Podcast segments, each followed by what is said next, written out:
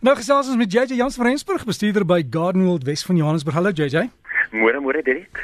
Iemand het ge-SMS gesê dat jy in Lichtenburg gesien. Was dit jy? Uh, dit was ek gewees. Ja nee, ek het daar so 'n praatjie gaan doen daar by Klaagskwekery in Lichtenburg. En wat 'n fantastiese ondervinding is dit nie om weer bietjie platteland toe te ry nie. Weet jy, die die die stede maak mense so gedaan. En gaan jy nou weer so toe en jy sien dat mense eintlik weer vir mekaar omgee. En hoe kan ek dan volgende wat ek gaan doen is in Potchefstroom oor 2 weke. So vir die van die ouens wat wil deel wees van daai praatjie, is welkom om vir my 'n e-pos te stuur en sê vir waar en wat, maar dit gaan by die Potchefstroom se tuinbevereniging wees of tuinbeklub wees en dit is nou sat uh, ja, Saterdag die 18de November. Hm. JJ, ek hoor jy groei 'n baard, is dit waar? ek probeer. Dit was in November.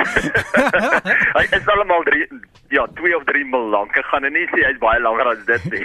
jy moet maar bietjie kunsmis opgooi, JJ. ja nee, vragies jong. Ek dink ek jy moet bietjie 'n kompetisie hou om te kyk wie van ek of jy kan 'n beter ene groei vir vir November maand. Moenie ek sal jou wen daai, ek is jammer JJ. dit sal ek goed glo. Ek kom maar. ja, maar JJ, die hele November ding is dis baie ernstig, jy weet. Uh, mans is mos maar skaam om dokter toe te gaan en deesdae is dit 'n bloedtoetsie wat hulle doen jy hoef nie meer weet daar te gaan kniel nie. Maar ook jy weet jy onthou op skool daar het hulle altyd die die dokter gekom en dan jy mos hoes meneer, hoes kyk aan die kant toe. jou grootste vrees gewees, né? Nee. O ja nee, definitief. Veral as hy susters deurkom, jonge, jy, jy weet nooit wat wie, wie kry jy wat vir jou kom kyk. ja, met maar JJ weet grappies op 'n stokkie, dit is dis dis regtig ernstig, jy weet en as jy iemand in jou lewe het, herinner hulle net en maak net seker hulle gaan. JJ, ek het 'n paar SMS'e gehad. Iemand vra hierdie ding van by die maanplant. Werk dit? Ja, plante is so 'n bietjie deur die maan getik, jy weet. Ehm um, dit dit dit werk definitief. Dit hang alles af wat jy plant, wanneer jy dit moet plant, wat vir jou die beste resultate gaan gee. Ons verstaan nie eintlik hoe sterk is die maan se krag. Ehm um, wat wat dit met plante betref nie. Ek meen ons weet wat die maan doen met die see en met getye en daai tipe van goed, maar met plante net so sterk. Jy weet, onthou daai maan, net soos hy die water in die see kan laat trek en kan laat sak, kan hy net so die water in die plante ook laat trek en laat sak. En dis hoekom as jy 'n regtige kranige groente kweker is, sal jy definitief kyk na wat die maan sê en kyk na jou maankalender. Mense kry 'n maankalender te koop en baie van jou tydskrifte het baie keer die maankalender ook in omdat hulle net vir jou sê wanneer moet jy sny, wanneer moet jy plant, wanneer moet jy saad plant, wanneer moet jy oes, al daai tipe van goed. Dit maak nogal baie sin vir al die mense kyk hoe die maan se krag werk. So ja, ek sal ek sal dit definitief nie afskryf nie. Ek sal sê dis regtig ietsie wat 'n mens na kan kyk. SMS wat vra JJ, ons het 'n uh, nuwe huis gekoop ingetrek. Hier is appelkoos boom, maar hierdie jaar nie een vrug op hom nie. Hoekom? Onthou jou appelkoosboom gaan vir jou groei op of gaan vir jou dra op laas jaar se se se se um voeding wat jy toegedien het, maar ook baie keer dan sien mense hulle appelkoosbome elke jaar en appelkoos dra ook op laas jaar se groei.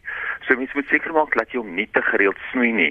Heel interessant ek het terug te man by my gehad wat uh, sy appelkoosboom ook nie gedra het nie. Toe gee ek vir hom 'n bietjie aluminium sulfaat want hy hou van die grond effenseerder en die volgende jaar toe hy terugkom na my toe sê hy my weet jy jy in 1 jaar was hy vol in drag gewees. So dit kan ook wees dat jou grond se pH nie lekker is nie, maar pas op om te veel te snoei, te gereeld te snoei op die appelkoosboom.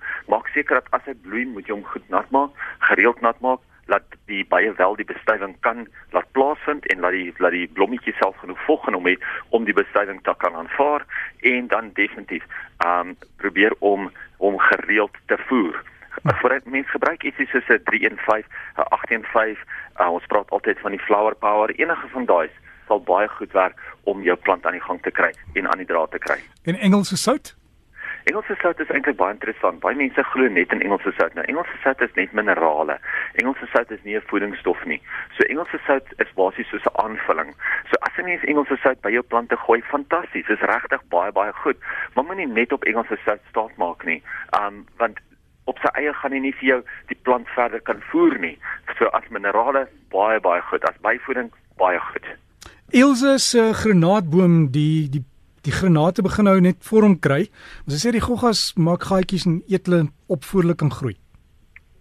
Weet jy, ja, ongelukkig met granate is daar so twee probleme. Dit is die vrugtevlee wat hierdie tyd van die jaar 'n probleem is, maar dan is dit ook die kodlingmot wat al klaar sy eiers gelê het. So granate is seker die enigste vrug wat 'n mens spuit terwyl die blomme nog aan die plant is om van daai kodlingmot ontslae te raak. So jy's ongelukkig as jou granaat al klaar aan die dra is, is jy klaar te laat vir die koddelingmos. Maar jy kan nog steeds jou plante spuit teen vrugtevliee. Gaan deur na jou naaste kwekery toe, kyk wat het hulle beskikbaar, gaan gesels bietjie met hulle, kyk of jy dalk die organiese, die ekovrugtevlieg lokasbinot teen die stamme van die plante kan verf om hulle weg te vat van die granate af en dan behoort mense in elk geval minder probleme te kry. Maar onthou vrugtevlieg is daar dwars deur die jaar. So mense moet maar altyd probeer om die area by jou huis enige ou vrugte, enige ou kosse en so aan van ontslae te raak, uh sodat jou vrugtevlieg nie in in in die ander tye van die jaar ook kan vermeerder en kan uitbroei nie. Hulle is nie net nou gedurende die vrugte aan die bome is daar nie. Jy weet die groot fout wat baie mense doen, veral met jou granate, is hulle pluk nie al daai dooie en vrot granate van die plante af nie.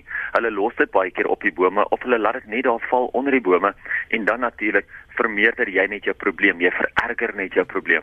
So pluk maar dit eerder altyd af.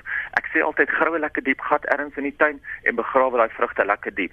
Dan weet jy dat daai larwes kan nie of die vlee kan nie weer uitklim en vir jou 'n probleem maak nie. Wat jy dis nou my vraag gewees, maar ek sien jy het ook 'n lysie daar by jou. Wat wat het jy op jou lys? Right, dit weet jy hierdie tyd van die jaar, dit is so lekker warm en ons moet nou kyk wat gaan ons doen in die tuin. Jy weet, soveel keer verloor mense uh, belangstelling in die tuin, want die ekonomie, die weer, alles is net teen 'n mens. Maar weet jy daar's soveel kleure wat 'n mens nou in die tuin kan insit. En 'n mens hoef nie jou hele tuin vol kleure te plant nie, maar daar is sterplante wat jy nou kan plant as ons kyk na jou stersaailinge vir die somer, plekke wat min water het. Ek dink byvoorbeeld aan die Kaap wat deesdae waterransonering begin. Kan jy dit glo? Net soos ons elektrisiteit beurtkrag gehad het, begin hulle nou met waterbeurtkrag onder in die Kaap. Hier ons harte gaan uit na hulle toe. Maar as jy kyk na areas wat minder water het of minder water kry, op jy wat dalk baie nat gooi nie, gaan jy byvoorbeeld jou vygies, jou heuningblommetjies, afrikanertjies en petunias nou plant. Hulle sal vir jou pragtig nou kleur gee oor die somermaande in die lekker warm son.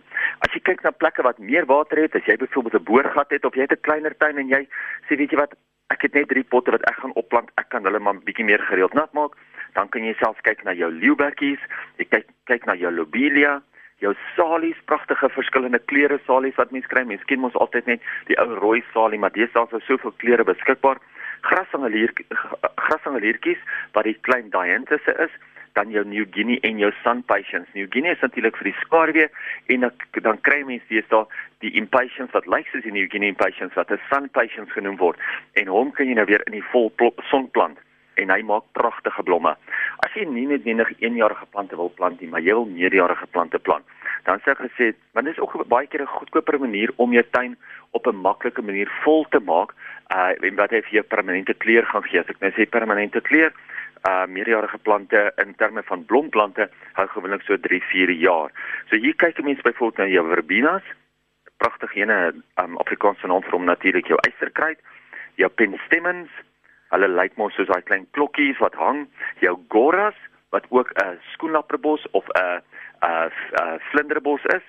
En dan kyk jy ook na jou daisy bosse en daar's nog baie meer. So gaan kyk bietjie uit. Al doen jy net ietsie kleins in die tuin. Kry net daai klein bietjie inspirasie, plant 'n bietjie kleur en maak jou somer bietjie meer kleurvol.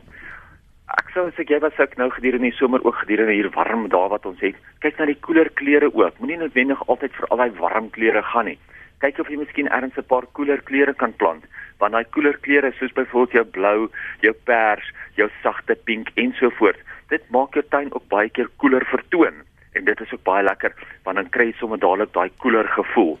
Interessant ek het gister 'n dame gehad wat met my kom praat het in verband met haar graswerk. Sy het net 'n nuwe graswerk geplant, maar is verskriklik ongelyk en sy wil nou by my weet hoe kan sy hom gelyk maak? Wie een van die maklikste maniere om dit te doen is om lekker baie water te gooi en 'n baie swaar roller te kry en om van die een kant aan die ander kant te rol en om so gelyk uit te rol voordat jy mens begin met jou bo-laag. Want so kan 'n mens eintlik seker maak dat die grond onder die gras wat jy het baie meer gelyk is. Laaste enetjie is vir mense met palms langs aan plasveisel. Daar is so baie mense wat palms geplant het in hierdie kleiner komplekse. Dan staan hy palm teen aan die plasveisel en dan wonder hulle wat kan ek doen? Gaan hierdie palm my mure breek? Gaan dit my plasveisel breek? Mense moet baie versigtig wees waar jy jou palms plant, waar jy jou bome plant voordat 'n mens nou oor 10 jaar of oor 5 jaar met 'n groter probleem sit. Gaan gesels net 'n bietjie met die kwekery waar jy die plante kry moenie net onwillekeurig die plante koop en dit net oral insit en dan weet jy oor 'n paar jaar het jy 'n probleem nie. Gaan kyk eerder wat kan jy doen? Waar kan jy dit plant? En is dit altyd noodwendig nodig om van die plant ontslae te raak as 'n mens net 'n paar stukkies plaveisselstene net kan ver, verwyder of skuif net na die ander kant toe? Jy weet, ek sê altyd moenie nou omdat dit omdat jy die plant in die verkeerde plek geplant het noodwendig die plant net gaan afsaag voordat jy 'n ander plant probeer maak nie. Kyk bietjie daarvoor en wees versigtig.